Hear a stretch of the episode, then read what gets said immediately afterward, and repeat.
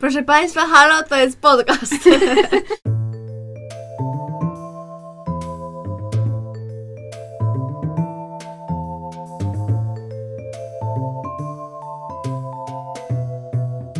Witamy w drugim odcinku letniej odsłony naszego podcastu.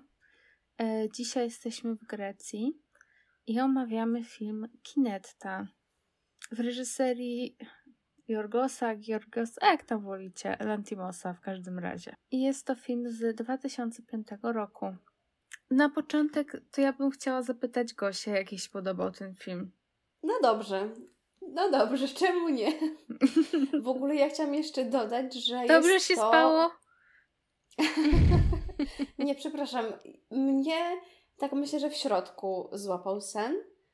E, ale żeby nie było, żeby nie było, że jestem nieprzygotowana, to potem powróciłam na przyspieszeniu do tego momentu i stwierdziłam, hmm, nie straciłam absolutnie nic. Więc A to jest Ale właśnie myślę, że- coś, co ja chciałam jeszcze powiedzieć, że ja oglądając ten film to czułam się jak na studiach, ale nie dlatego, że na studiach ten film oglądaliśmy, tylko że powróciłam do oglądania filmów na dwukrotnym przyspieszeniu. E, No i też możemy dodać, że to jest, jeśli dobrze e, pamiętam, że to jest debiut. Tak, sol, solowy debiut y, tego reżysera. W kinecie mamy więc do czynienia z grupką osób, która zajmuje się rekonstrukcją morderstw i zajmują się tym w takim resorcie, nie, resort to się tak po polsku nie mówi, w kurorcie takim w greckim kurorcie poza sezonem. I jest to jakiś pan, jakiś drugi pan i jakaś pani.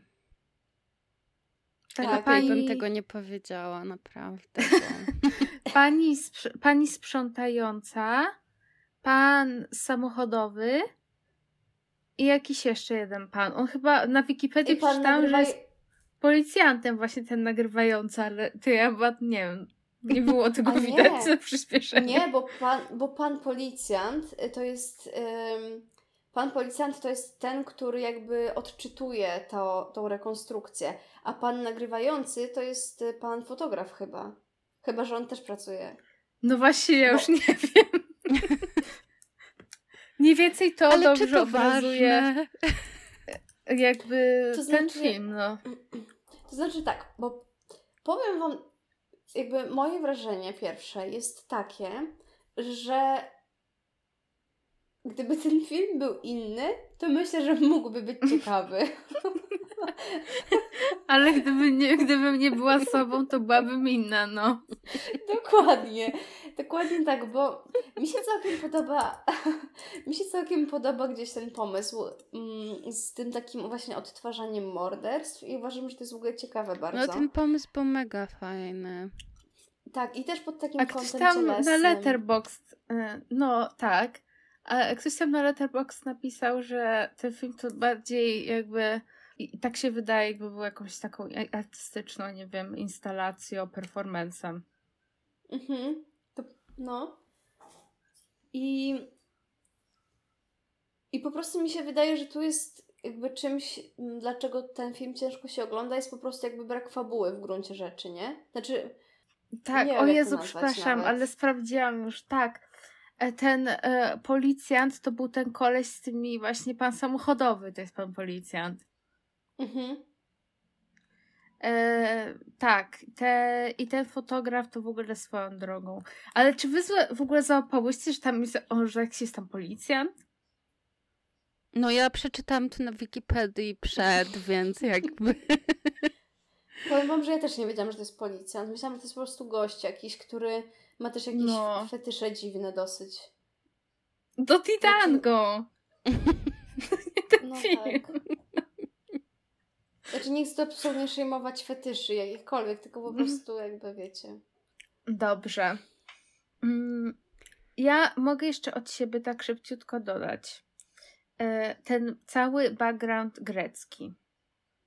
Ponieważ no, już jak chodziłam na te studia, to coś dopowiem chociaż. E, I tak. E, Ten film wyprodukowała pani Atina Tsangari, która jest również grecką reżyserką. I możecie ją znać z takich filmów jak na przykład Attenberg albo e, Chevalier. Nie znam. Kim ona w ogóle jest? Jakby, kim jest ta pani? Em, Jak ja nie znam, no to who is she? E, I zacznijmy od tego, że w ogóle Lantimos i jego twórczość wpisuje się w e, Greek Weird Wave, czyli dziwną, dziwną falę grecką. I to jest takie nie, Mm, nie Ładnie to się nazywa całkiem. tak. No. Ja był, jeżeli ktoś miałby mnie ocenić, to niech mnie naz nazwie polską dziwną falą. E, Jest to takie niepokojące kino, które w subwersywny sposób odnosi się do różnych wydarzeń polityczno-społecznych e, greckich. No i w czasie Ja teraz czuję, że, przepraszam, jestem że No. przerwę, ale czuję, że, że ja powinnam się była przygotować, co się działo wtedy w Grecji w 2004 No trochę roku. Tak. Ale no, to co mam powiedzieć, do powiedzenia na temat Weird Wave, że no weird enough i że to nie było dziwne, to było nudne, więc jakby... girl. Boom, roasted. Proszę do pana Eee. Kosmatosa, jeśli chodzi o Weird Wave. Dokładnie tak. Ja wiem, że to jest e, ulubiony twój reżyser z imienia i nazwiska, Panos Kosmatos.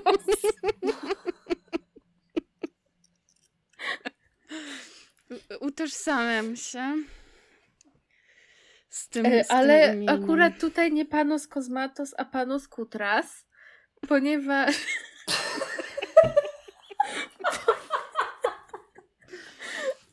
ponieważ... To jest dobry podcast. Ponieważ... e, Ja sobie myślę tylko, ile my mamy lat i jakby Ja to samo. nie przekłada się.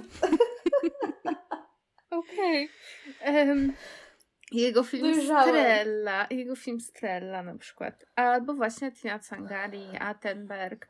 Attenberg jest o tyle ciekawy, że on opowiada o takiej młodej kobiecie, mm, która jakoś tak odkrywa w ogóle życie i relacje z mężczyznami i tam właśnie jest taki głos z offu, który tłumaczy wszystko, wiecie, David Attenborough e, style.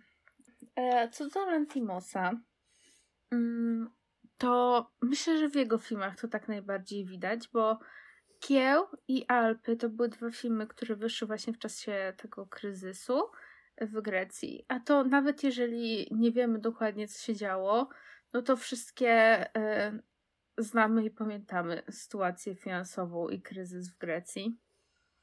Mm.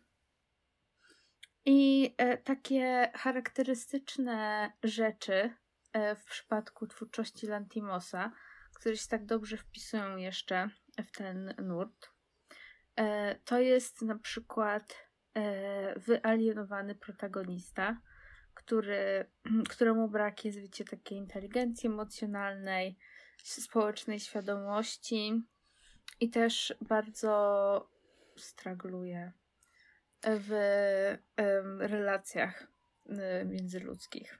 Ja mam wrażenie, że w ogóle po prostu filmy, w sensie, że jakby w tych światach Lantimosa to po prostu wszyscy są wyalienowani i jakby te filmy są wyalienowane i Mhm. są takie po prostu, że ja na przykład nie przypadam za nimi, mimo że widziałam Kieł, Zabicie Świętego Jelenia i Lobstera, Lobster? Mhm. to właśnie... Ej, faworytę pewnie. A, no, a dobra, no faworytę to. A zapomniałam, że to Mhm. on, ale tak, faworytę lubię, ale tak poza tym to mnie alienuje ten reżyser. Także... To widzisz, możesz się poczuć po prostu jak jeden z bohaterów. Ale w ogóle aż się czuję Eee. dziwnie, że tyle filmów jego widziałam, bo. Znaczy nie, że aż tyle, ale więcej niż myślałam. Także. Mm, Dalej, e, to jest na przykład no, to jest na przykład e, też kwestionowanie w ogóle struktur władzy E, bo tak, mm, bo na przykład dużą rolę, jeżeli chodzi o ten kryzys finansowy, to gra też tam w ogóle korupcja, inne tego typu sprawy. Więc on się często właśnie zajmuje tym, co doskonale widać właśnie w przypadku kła albo zabicia świętego jelenia, nie? Mm, Więc takie kwestionowanie autorytetów i też, i też młodzi ludzie, którzy, którzy są w tych takich strukturach, które nie za bardzo, nie za bardzo im się podobają. Bo ty widziałaś Paulinka Kła, więc może coś też chciałabyś dodać do tego? Um, no w ogóle to jest pierwszy film jego, który widziałam i to był taki height mojego zainteresowania filmami. I no, potem znowu widziałam ten film jakiś rok albo dwa lata temu. I no właśnie, tak jak mówisz, jest, em, jest dziwnie, jest wyalienowanie. I no w sensie o tyle to jest spoko właśnie ten powiedzmy komentarz jakiś społeczny, że nie jest bardzo on the nose i że jednak nawet nie mając pojęcia jakby czy to Grecja, czy co i co się wtedy działo, no to właśnie nie są te uniwersalne tematy właśnie tak jak mówisz, że i tego kwestionowania autorytetu, ale też w ogóle dorastania, chociaż Kieł o wiele bardziej mi się wizualnie też podobał, no ale też jakby to już jest trochę późniejszy film, Mhm. więc nic dziwnego. I nie wiem, co mogę dodać do tego. Ale Dla to, mnie to... to... A proszę, Gosia, mów. Ja się właśnie tylko wetnę, że to jest w ogóle bardzo ciekawe, tak patrząc nawet tak właśnie przekrojowo, nie? Że no mamy właśnie ten pierwszy film, czyli Kinetę i faworyt jest ostatnia, tak? Mhm. Więc jakby to taki w ogóle taka zmiana, nie? I taki przekrój. W sensie Mm. w pewien sposób to jest no, banalne stwierdzenie, że no jakby wiecie, ta twórczość się zmienia i tak dalej, ale no jest to dla mnie tak bardzo cie- ciekawe w ogóle, jak ona na ile się w ogóle może zmienić, nie? Mhm. Ale w ogóle też, że też tak anglojęzycznie jednak się przekręcił. Mhm. No tak, to fakt, to fakt. Znaczy, może nie powinno powiedzieć, że się przekręcił, ale no wiecie o co chodzi. Tej polski nie jest moim pierwszym językiem, więc jakby musicie wybaczyć, kochani. Okej, e, przejdźmy do jeszcze kolejnych motywów. Mm, To też są takie właśnie sterylne zdjęcia, e, duże przestrzenie, ale takie rozpadające się przestrzenie. I to fajnie widać tutaj w ogóle w, właśnie w kinecie, e, ale też w Zabiciu Świętego Jelenia. Bo tam dużo jest tych, jest ten szpital i ten dom tego bohatera głównego, e, więc e, to jest też ciekawe, myślę. Mm, Tak, przestrzenie tutaj były moim zdaniem super. W sensie jakby mi się akurat bardzo podobało to pod takim kątem Mhm. właśnie. em, czy to. Nie, jakby ja nie chcę znowu zaczynać tego żartu. e, Ale tej- wiesz, że ja sobie to zapisałam. Cały ten film jest to miejsca? nie miejscu, no oczywiście.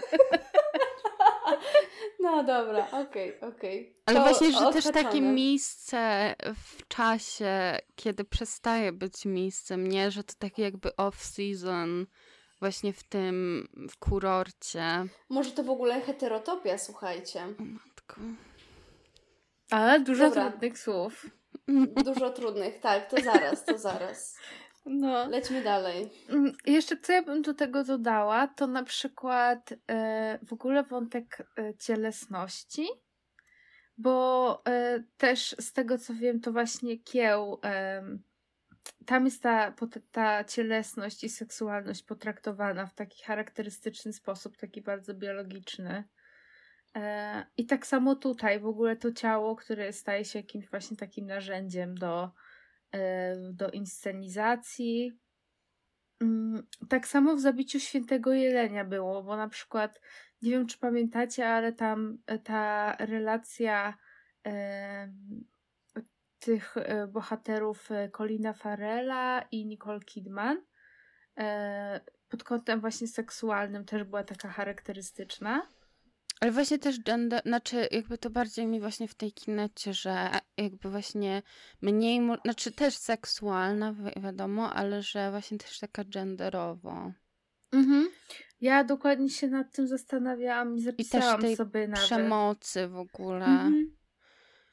Właśnie. Tak, to mnie, to- to mnie też zastanawia, że właśnie tutaj zawsze no, mm, kobieta odgrywa tą rolę ofiary, no bo też faktycznie jakby jak miało miejsce to morderstwo, to tą ofiarą była kobieta i w ogóle wiecie, ale jakby co to mówi o społeczeństwie. I czy, czy Gracja jest tą kobietą, a mężczyzna tym autorytetem? No widzicie. No to już pozamiatane. Możemy kończyć ten odcinek, myślę. Mhm. Ale w ogóle e, też ciekawy jest ten wątek w sensie właśnie tego odrealnienia. I w sensie ja też nie, nie bardzo wiem, jakby co chcę na ten temat powiedzieć, ale chciałam tak poruszyć, że może wy macie jakąś opinię, że właśnie to wszystko jest odgrywanie, więc jakby ten w ogóle performance mi się tu w ogóle gdzieś jakby e, jak, jak, się, jak się ten francuski typ nazywa od tej symulacji? Mm, tak Body, body- body air? Baudrillard? Tak, no że on w ogóle gdzieś, w sensie, że ja nie wiem, gdzie te gwiazdy mnie prowadzą, do jakiej konstelacji, ale nie wiem, może wy połączycie po prostu te ścieżki e, w kosmosie dla mnie. Ale to Ja ładnie bym ewentualnie. To piękne, to piękne. Myślę, że powinnyśmy to takimi, wiecie, złotymi literami wyryć. Ja odlatuję już po prostu na tej rakiecie, także... Ale tak, te symulacje, po prostu Matrix. I właśnie to odrealnienie i to też po powtarzalność, ja tu rzucam hasło. Ale Mhm. tak, bo mi się wydaje, że to jest w ogóle ciekawe, że trochę jakby, że ten film ma warstwy. Jak cebula. Ale ja sensie- tylko z wami odczuwam te warstwy, bo jak sama obejrzałam, to miałam takie. e, Nie, właśnie ja totalnie też. What ja totalnie happened to tego the teraz. original plot of the movie? Ja dopiero jak ktoś mi każe myśleć, to zaczynam myśleć. Ale ja sobie właśnie teraz o tym, jak powiedziałaś o tym Paulinka, to myślę sobie, że właśnie to odgrywanie to jest ciekawe, bo z jednej strony mamy to takie w takiej najbardziej literalnej warstwie, czyli to odgrywanie tych morderstw przez tą jakby Mhm. całą ekipę y, i to nagrywanie. No z drugiej strony mamy tą relację właśnie tej bohaterki z y, tym fotografem, która w sumie to też jest taka dosyć dziwna relacja, nie? No bo w gruncie rzeczy oni nie za bardzo ze sobą rozmawiają, ale no coś tam pomiędzy nimi jakby coś jest. Ale, Ale w ogóle ona się tam chciała zabić, czy o co chodzi?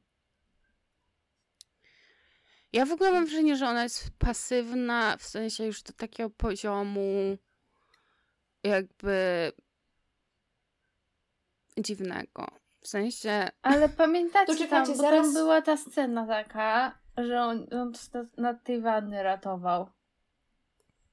Tak. Czy ona się chciała zabić? Bo ja jakby nie rozumiem tego. O co chodziło? Ja w sumie chyba. Hmm, no to jest ciekawe. Bo też nie wiem. spytać Jorgosa, też nie wiem. Także.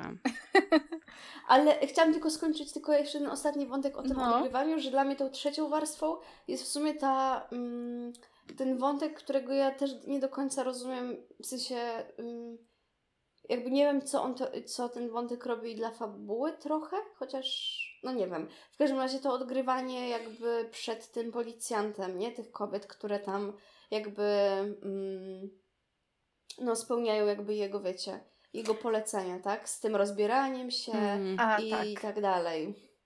A Więc widziałyście, chłopaki że tam na tak Letterboxd była taka recenzja, że ktoś opisywał, co czytał o tym filmie. Że tam, a jedni mówią, że coś tam, drudzy, że ten policjant to otwiera śledztwa, trzecia osoba coś tam innego. I każdemu się wydaje, że coś tam o, inne, o, o coś innego chodzi w tym filmie.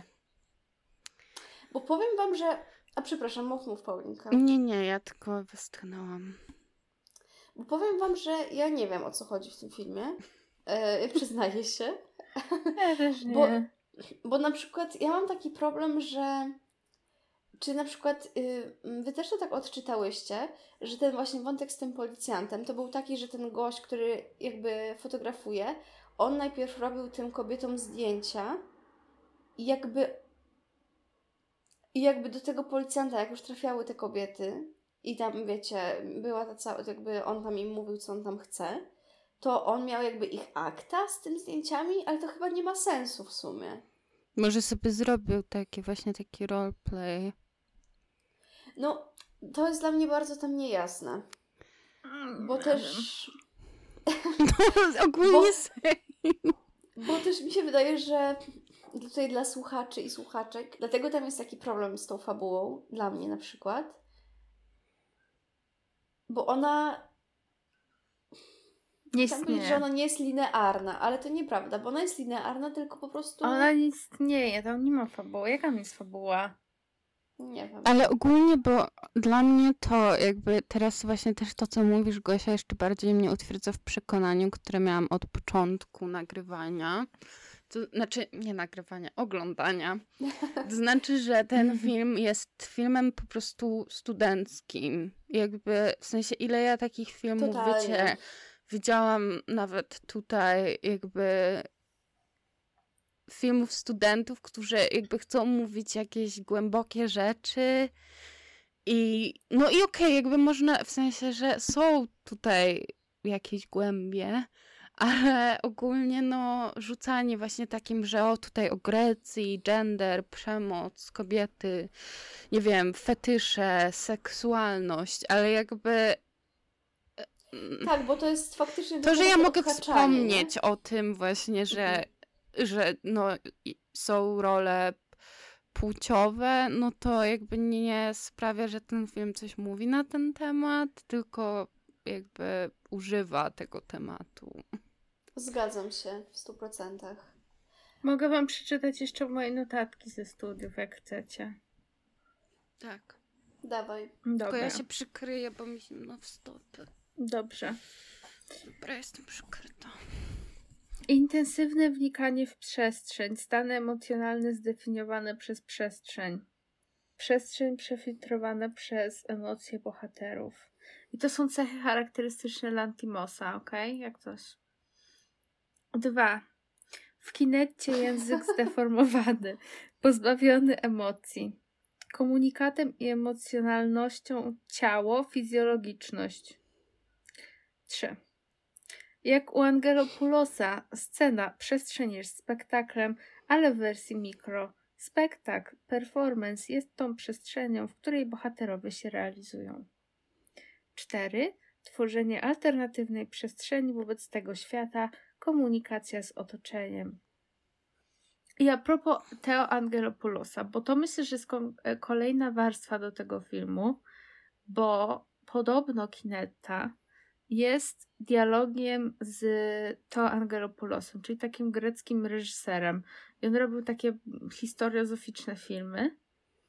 Mm. I miał w 1970 roku taki film Rekonstrukcja. E, I na temat tego filmu mam zapisane w notatkach zabicie męża i są rekonstrukcje wydarzeń. E, emo, jeden emocjonalna, dwa wizja lokalna e, i nie wiem, nie, nie wiem, mechaniczność, trzy trzecioosobowa narracja. Także to tyle wnoszę do tego podcastu. Ale wiesz co, Ale bo... A, przepraszam, Gosia. Nie, nie. mów. Nie, bo ja cały czas gadam. Nie, Więc nie, nie, ja, chcę chcę tylko zakończyć, powiedzieć- że tak jak jest taki dialog właśnie... Nie chcę Żadna z nas nie wypowie. E, że tak jak jest dialog właśnie z Angelopulosem, to że dialog chyba w ogóle właśnie z tą grecką historią i cofam się tutaj do tego początku, co, o czym mówiłam, jeżeli chodzi o tą dziwną falę. Mów Gosia. Nie, ja chciałam, po, ja chciałam tylko e, tutaj tak zaproponować, że może to jest właśnie dobre przejście, żeby porozmawiać o tej, o tym aspekcie performatywnym i właśnie tego Mhm. odgrywania mm, tych morderstw, bo ja jak sobie to oglądałam, to znaczy to jest w ogóle bardzo ciekawe, tak w ogóle mm, nie wiem jak to powiedzieć, tak ciekawe pod kątem na przykład dla mnie takim kątem choreograficznym, że to jest W też... ogóle to są najlepsze momenty tego filmu moim Tak. zdaniem. Tak, i, y, i tam, nie wiem czy pamiętacie, to chyba był ten moment, kiedy w ogóle też tych dwóch gości razem odgrywa, bo jest taki jeden moment, kiedy Mhm. tych dwóch gości też odgrywa jakąś scenę. I to jest po prostu mega takie hipnotyzujące i uważam, że to jest, to jest super. I pomyślałam sobie od razu tutaj o takim pojęciu e, choreopolityki. Kolejne trudne słowo. Weźcie notesy. Kolejne, dokładnie, dokładnie tak, e, że, że na przykład Dobra, to najpierw dokończę tą myśl, że właśnie, że to wydaje mi się, że ten film byłby super w takim kontekście właśnie analizy pod kątem choreopolityki, czyli mm, takim e, aspekcie politycznym samej choreografii, samego jakiegoś ruchu i że jakby wiecie, sam ruch jest, może być w pewien sposób polityczny. E, ale tu jest od razu to, co Ty mówiłaś, e, Paulinka, przed chwilą, czyli to, że no fajnie, że wspomnimy sobie jakby w filmie o, o takim temacie ciekawym i w ogóle wiecie, można to analizować przez pryzmat wielu różnych teorii, ale trochę no i co z tego, nie? No bo ja też mam wrażenie, że ten aspekt performatywny nie za bardzo coś się tam z nim dzieje potem. Ja bym Chociaż- teraz chciała, żebyś napisała Tak. pracę o tym, Gosia. No przykro, niestety chyba się to nie stanie.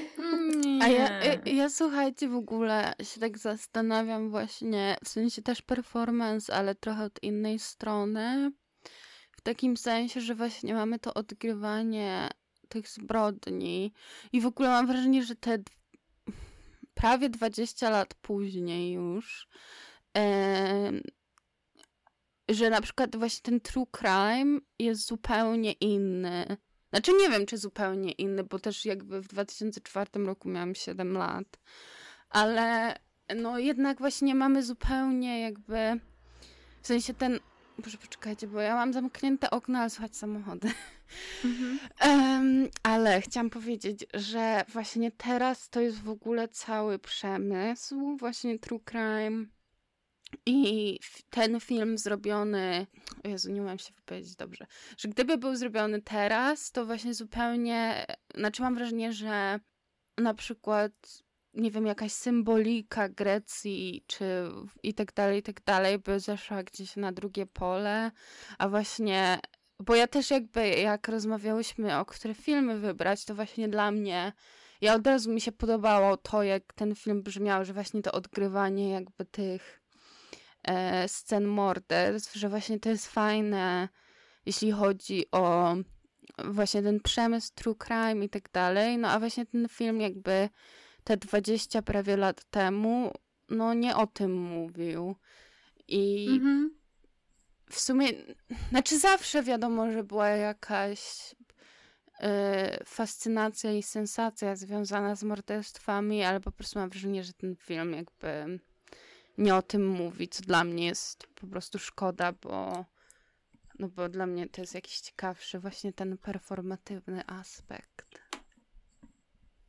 Ale też ja tak samo e, zapisałam sobie, że właśnie ten kontekst true crime i ta obsesja, jaka jest na punkcie tego, sprawia, że dzisiaj ten film jakby ogląda się w zupełnie innym kontekście.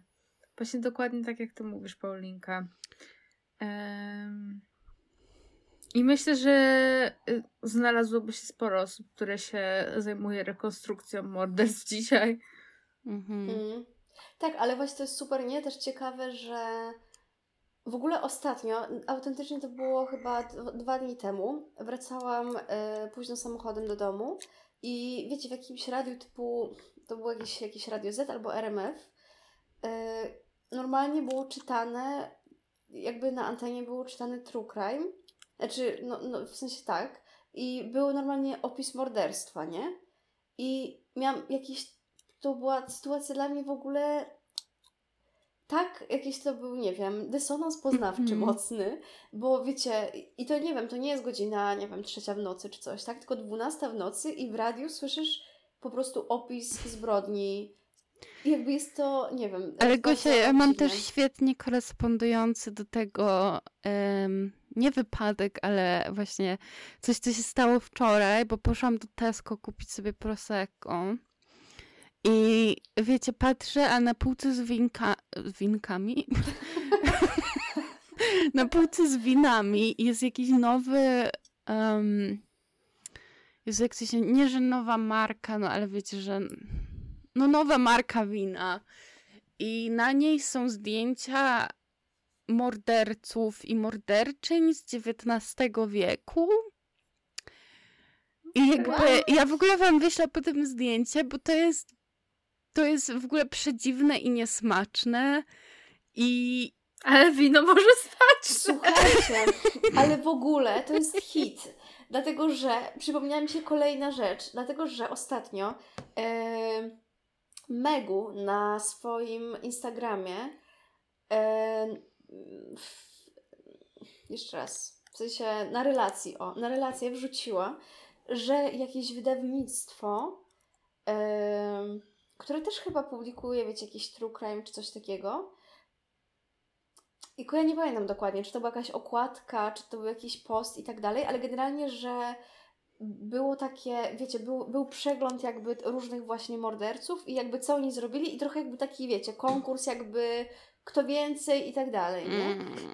Mm, I kurczę, bad. jak to się w ogóle wszystko w ogóle spina niesamowicie. Ale też, bo właśnie jakby ja na przykład jest taka książka, którą bardzo bym chciała I to jest, że chyba Murder Map z Londynu.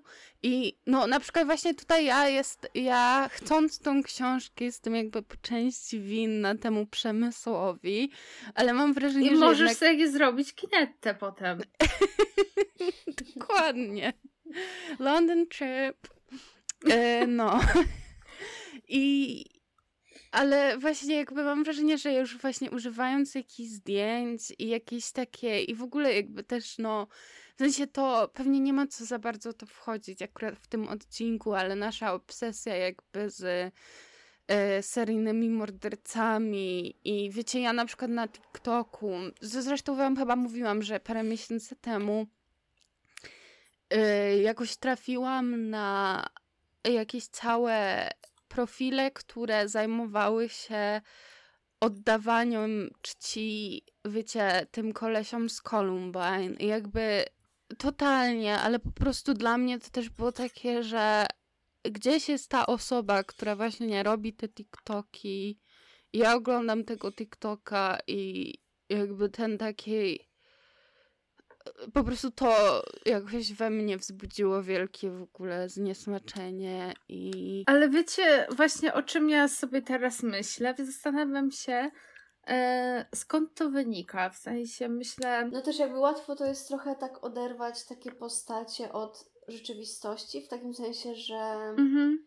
No, że oni trochę działają w podobny sposób jak, nie wiem, z jednej strony myślę sobie, że trochę jak celebryci, a z drugiej strony trochę jak... Um, Jakaś postać fikcyjna, faktycznie. Tak, tak, nie? I na przykład tacy wilanie, wilani, mhm. wilani. Że jakby łatwo jest to oderwać od faktycznej, e, wiecie, no jakiejś krzywdy, która została wyrządzona i od y, no po prostu ofiar, nie? Znaczy w ogóle ja mam wrażenie, że Columbine, to zresztą ja bym nie miałam nic przeciwko zrobienia odcinku całego, którego się wiąże z tym tematem, ale bo tam właśnie Columbine też przecież tam było tyle materiałów wizualnych, no bo tam są kamery z tych morderstw. E, oni przecież swoje różne dzienniki, jakieś listy pożegnawcze, wiecie, w internecie publikowali, więc po prostu to jest trochę y, dla mnie, w sensie oni zrobili sobie sami trochę marketing taki pre-digital marketing, w sensie mimo, że to było już digital, ale to jest takie właśnie ala jak wyszła Blair Witch Project, że po prostu nikt nigdy akurat czegoś w ten sposób nie zrobił i ja mam wrażenie, że też mm -hmm. dodaje do tego. A co chciałam w ogóle jeszcze dodać, tak jak na początku powiedziałaś Justynka właśnie o tym, że dlaczego nas to, to true crime tak fascynuje w ogóle, to dla mnie też zawsze ten aspekt znowu gen genderowy jest mega interesujący w tym, że kobiety najczęściej, w sensie, że w większości to właśnie jest populacja kobiet, które się tym I interesuje. widzisz, może po prostu pijąc winko w wannie, wybiorą akurat to winko. No właśnie, w sensie, ale też um, ja mam wrażenie, że jest w tym jakiś element tego, że właśnie jakby prawda jest taka, że przemoc jest głównie wobec kobiet, czy na przykład, wiecie, osób LGBT i tak dalej, i tak dalej. No ale właśnie my jesteśmy, w sensie, że kobiety są głównym jakby podmiotem e, przemocy fizycznej i morderstw i tak dalej, więc I can fix him.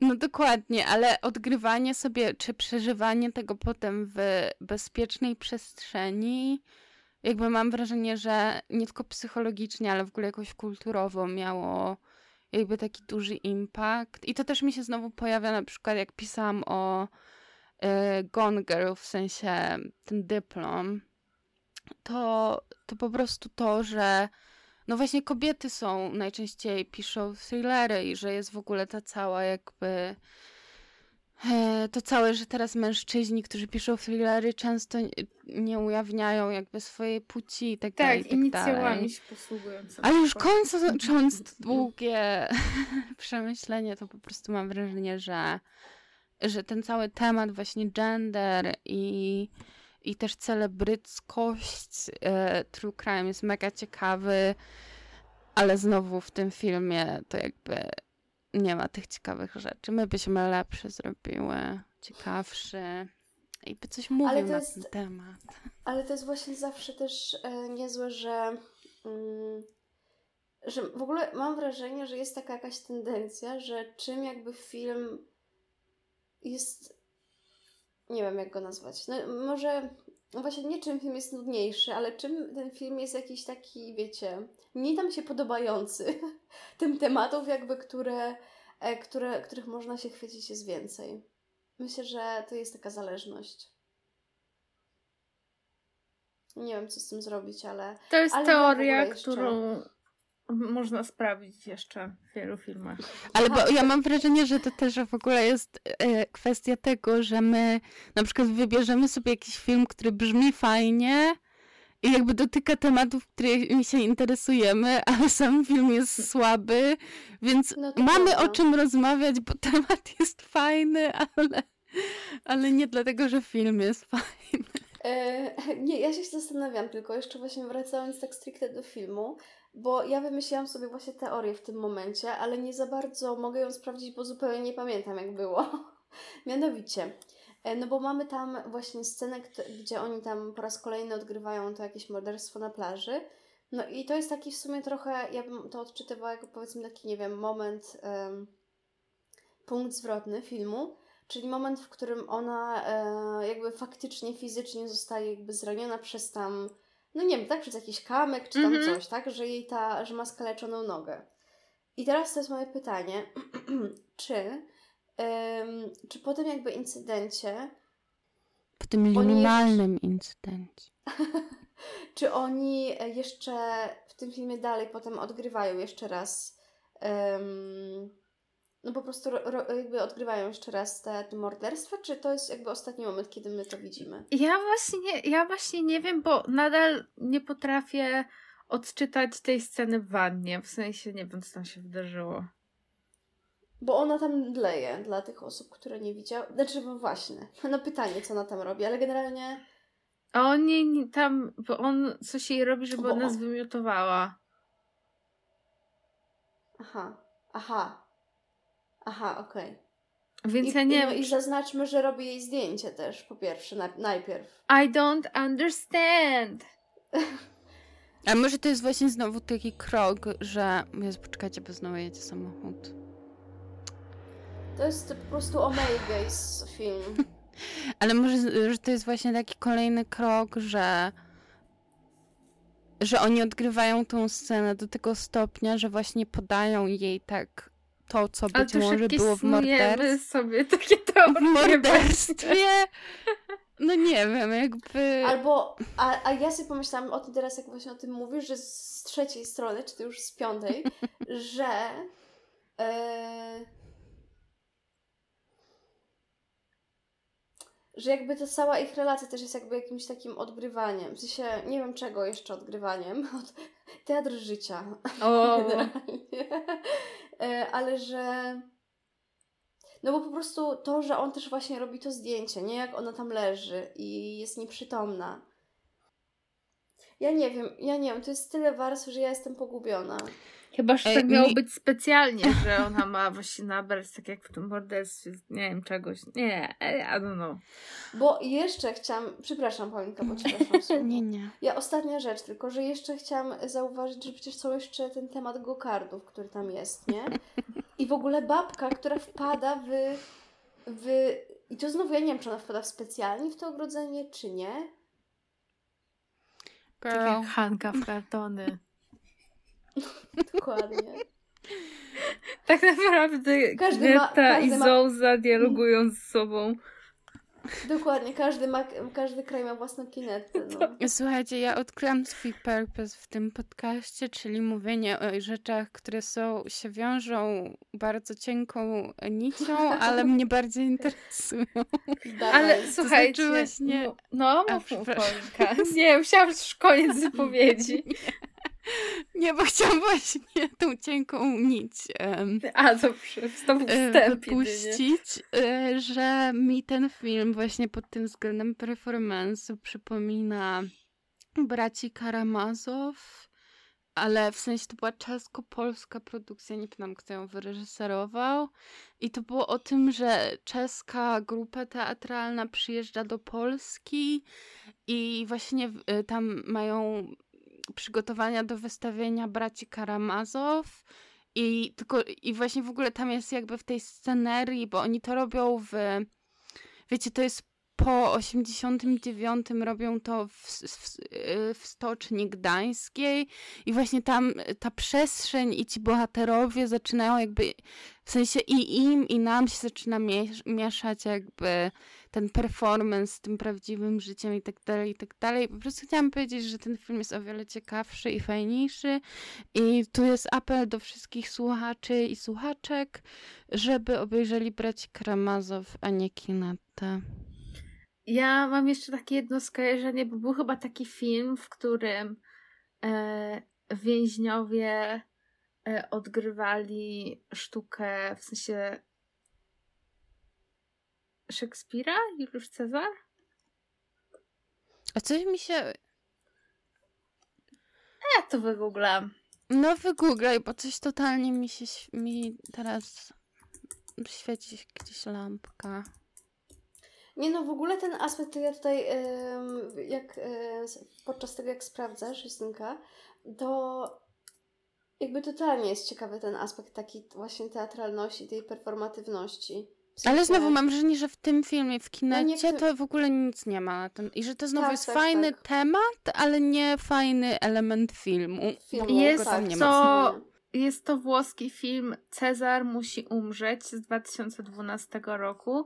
I Jest dokładnie o tym, czyli e, więźniowie z e, wi- więzienia o zaostrzonym rygorze e, przygotowują się właśnie do wystawienia Juliusza Cezara Szekspira. Ale a propos tego, a propos Szekspira i a propos, i a propos e, no to jakby Hamlet. Tam przecież em, też mamy do czynienia z tym performancem. E, śmierć Gonzagi, która jest wystawiana przez tą trupę teatralną, którą Hamlet, e, podczas którego to spektaklu Hamlet obserwuje tego właśnie króla, brata tego króla, który umarł. Swojego I wujka. żeby tak, tak się nazywa ta osoba. Mm, Żeby dostrzec jakby w jego reakcji na tą sztukę dowód na to, że dopuścił się tego morderstwa. I myślę teraz sobie właśnie o tych przykładach i o tych filmach, o których rozmawiamy, w takim kontekście właśnie tej sztuki teatralnej i performance'u, jako czegoś, co opowiada o całym szerszym jakimś zjawisku i które jest tylko jakby jakimś narzędziem do powiedzenia o czymś, tylko pytanie o czym. W ogóle to jest mega, w sensie zapomniałam Mhm. totalnie o tym elemencie Hamleta, ale w ogóle mam wrażenie, że teatr w kinie, w sensie, że cały właśnie motyw teatru w kinie jest po prostu mega super, i to, co właśnie można robić z przestrzenią teatralną. I nie, w ogóle ja myślę, że możemy wymienić dużo filmów, które też się właśnie zajmują i tym jakby przemysłem teatralnym, czy w ogóle jakimś performatywnym przemysłem. To, że jest mega ciekawe. Ale właśnie, bo na przykład to, co mnie trochę denerwuje też w kinecie, to, że jakby właśnie nie jest jasne jakby dla kogo, w sensie, że no bo oni robią to dla siebie, ale że jakby no ja wątpię, żeby to było tak, że oni potem to gdzieś udostępniają i tak dalej, że po prostu dla mnie to jest takie, że robią ten performance dla siebie, w sensie odgrywają te morderstwa dla siebie i jakby No co to nie wiadomo. znaczy Dla kogo i po co i kim oni są i w ogóle. i skąd się znają.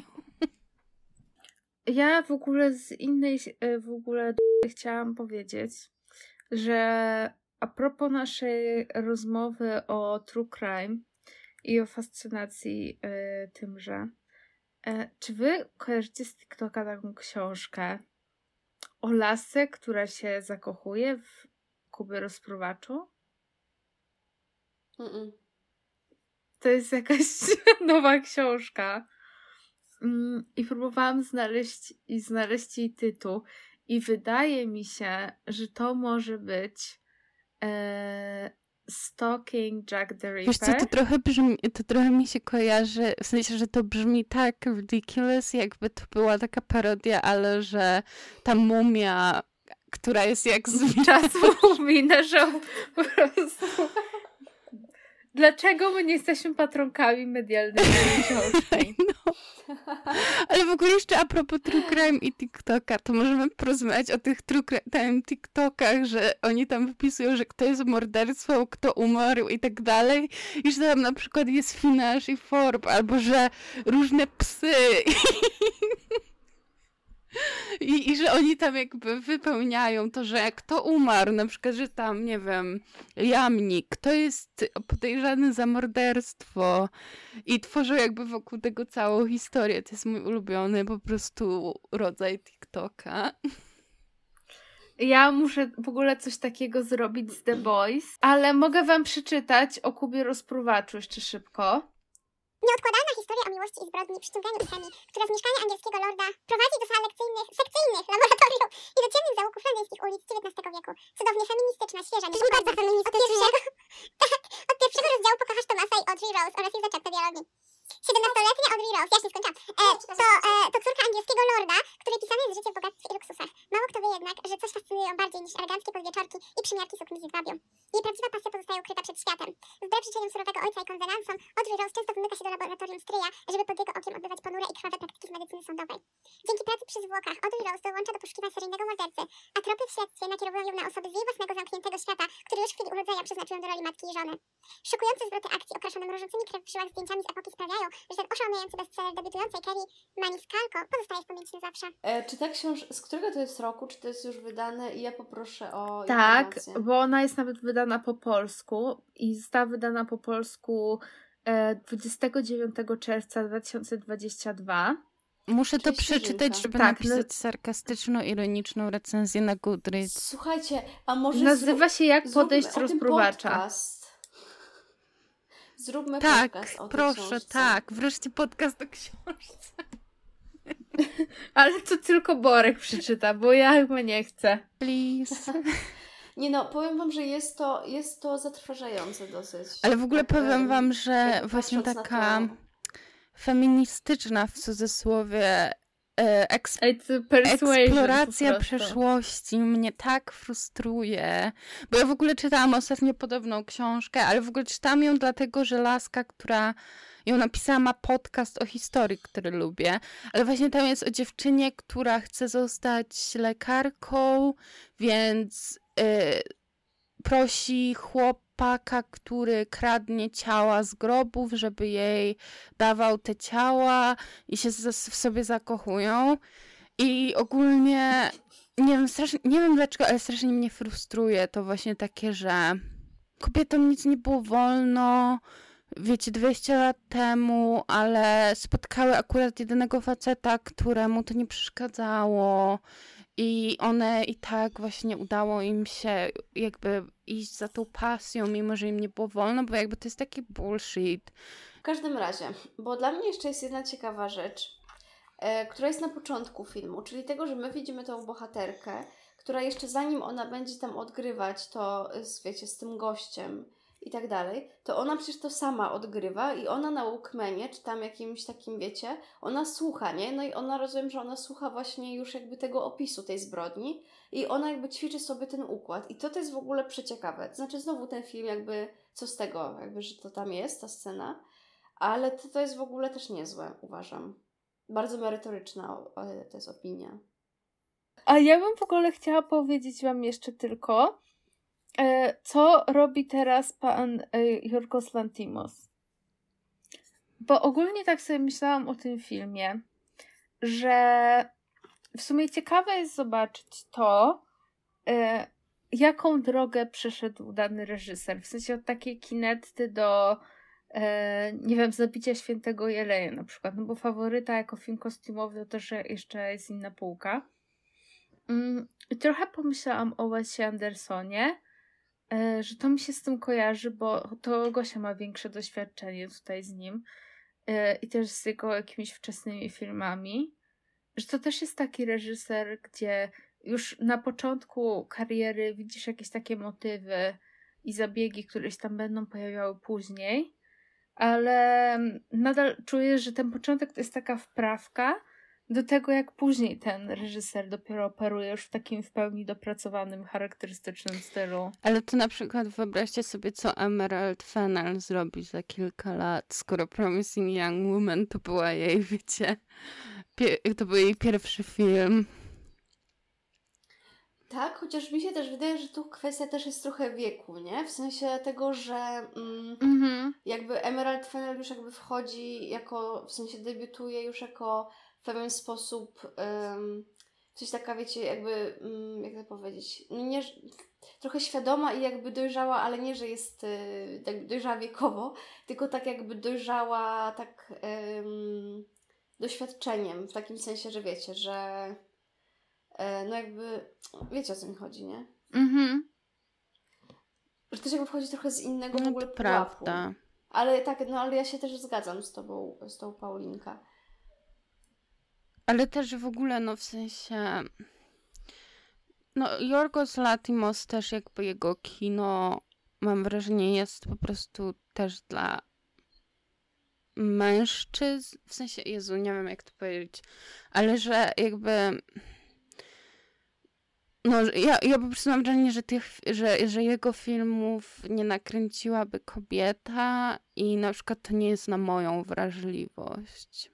Nie wiem, czy to ma sens. Chociaż faworyta... No faworyta tak. Faworyta o wiele bardziej jakby. Właśnie też jakby ja dlatego zapominam, że on to zrobił, bo po prostu tak mi się wyróżnia od tych innych filmów. Mhm. Ale no, po prostu jeśli o mnie chodzi, to moja wrażliwość jakoś nie leży z, z Jorgosem. Ale w ogóle właśnie faworyta jest bardziej takim. Mm, nie wiem jak powiedzieć po polsku, że jest takim straightforward bardziej, w sensie jest taka bardziej Mniej dostępna, pretensjonalna. przystępna, o. Przystępna dla Przystępna. widza bardziej niż, niż te jego poprzednie filmy. Ale a propos jeszcze właśnie faworyty, faworyty Emmy Stone, e, to kolejny film e, Lantimosa, który ma być według IMDb w tym roku, ale to nic o tym jeszcze nie słyszałam, więc jakoś tak wątpię. E, pokazuje mi tu jako romans science fiction. Będzie to wiktoriańska opowieść o miłości, e, odkryciach i scientific daring. Nie wiem, jak to przetłumaczyć. Moż, mocno poszedł E, w tą Anglię jakoś. Tak, i to się nazywa Poor Things. I to jest historia Belle Baxter, młodej kobiety przywróconej do życia e, przez ekscentrycznego, ale genialnego naukowca. I gra tutaj tak. Mm, Emma Stone, tą główną bohaterkę, Margaret Qualley, Mark Ruffalo, Willem Dafoe, e, Christopher Abbott, Gerard Carmichael, Rami Youssef i to chyba z takich w Znanych tym eseju chciałabym opowiedzieć o tym, jak mężczyźni kradną od Mary Shelley. I know. Aczkolwiek no tą obsadę, znaczy ja w ogóle nie wiem, jakiś mam dziwny problem z Emmą Stone, nie wiem dlaczego, ale na przykład Christopher Abbott, albo właśnie Rami Youssef, albo Willem Dafoe, no to jakby wiadomo, że obejrzę. No, podsumowując. Jeżeli ktoś ma jakąś interpretację kinety jeszcze, to zapraszam do wysłania nam wiadomości na mail 6. stopnia małpa gmail.com Z chęcią przeczytamy i się ustosunkujemy do niej. Jeśli ktoś chce e, Dokładnie zobaczyć tak. zdjęcia e, butelek wina z mordercami, to Zapraszamy na... Na czym to będzie? Na Instagramie. em, tak, może być na Instagramie. Na Instagramie będzie. Mm, To musimy jeszcze wymyślić na jakieś inne medium, wiecie, inny, inne, inną wiadomość. Mamy e-mail, Instagrama. O, może, i- może Justynka załóż nam podcastowego TikToka i tam zrobisz po prostu to O true e, crime. crime opowieść z The Boys. No i takim słowem kończącym ja nie polecam kinety do obejrzenia. Wystarczy przysłuchać naszego podcastu. Znowu boom roasted. Tak, nasz podcast jest lepszy od Kinety. Nie no, bo naprawdę ten pomysł jest fajny, ale A w następnym odcinku z Grecji się przenosimy do Włoch i będzie o filmie Utalentowany Pan Ripley. E, do zoba za dwa tygodnie. Mm. Papa Americano. Moje ostatnie słowa to, e, że nie lubię pretensjonalnego kina. Em, Już na tym etapie ten post- podcast ma więcej zakończeń niż Władca Pierścieni. E, chciałam jeszcze tak, dla Gosi, sprawdzić listę obecności. o! czuję się zaszczycona. Dobrze. E, czy jest obecna Justyna? Jestem. Obecna. E, Gosia? Jestem. Dobrze. Paulina? Obecna. No, wszystko jasne. I Teach me, mommy. Dziękujemy bardzo.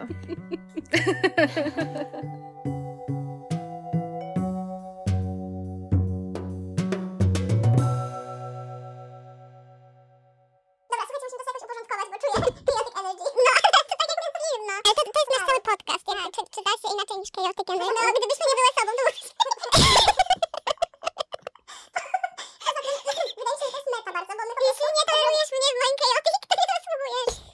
Otóż to, a wydaje mi się, że to jest po prostu meta, bo my, wiecie, przekładamy konwencję filmową na konwencję jakby odcinka, więc... Tak, nikt nie wie, co się dzieje, nikt się dobrze nie bawi oprócz nas.